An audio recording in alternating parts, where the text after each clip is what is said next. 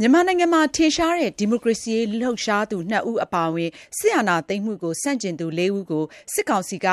ကြိုးပေးကွပ်မျက်ခဲ့တဲ့အတွက် ရှုတ်ချကန့်ကွက်တဲ့ ဆန္ဒပြပွဲတွေကို နိုင်ငံတကာရောက် မြန်မာနိုင်ငံသားတွေ ဆက်တိုက်ပြုလုပ်နေရာမှာ ဒီကနေ့မှာတော့ တောင်ကိုရီးယားနဲ့ ဩစတြေးလျနိုင်ငံတွေမှာလည်း ပြုလုပ်ခဲ့ကြပါတယ်။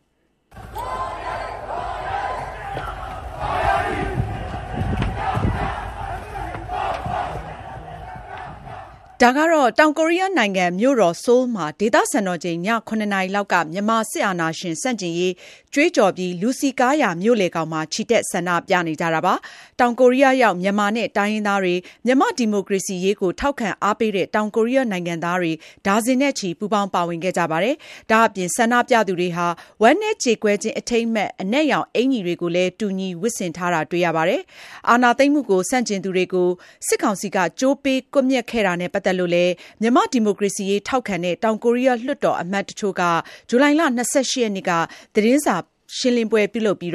ကန့်ကွက်ရှုတ်ချခဲ့ကြပါတယ်။ဒီလိုသေဒဏ်စီရင်မှုကိုကျူးလွန်တဲ့အတွက်လည်းတာ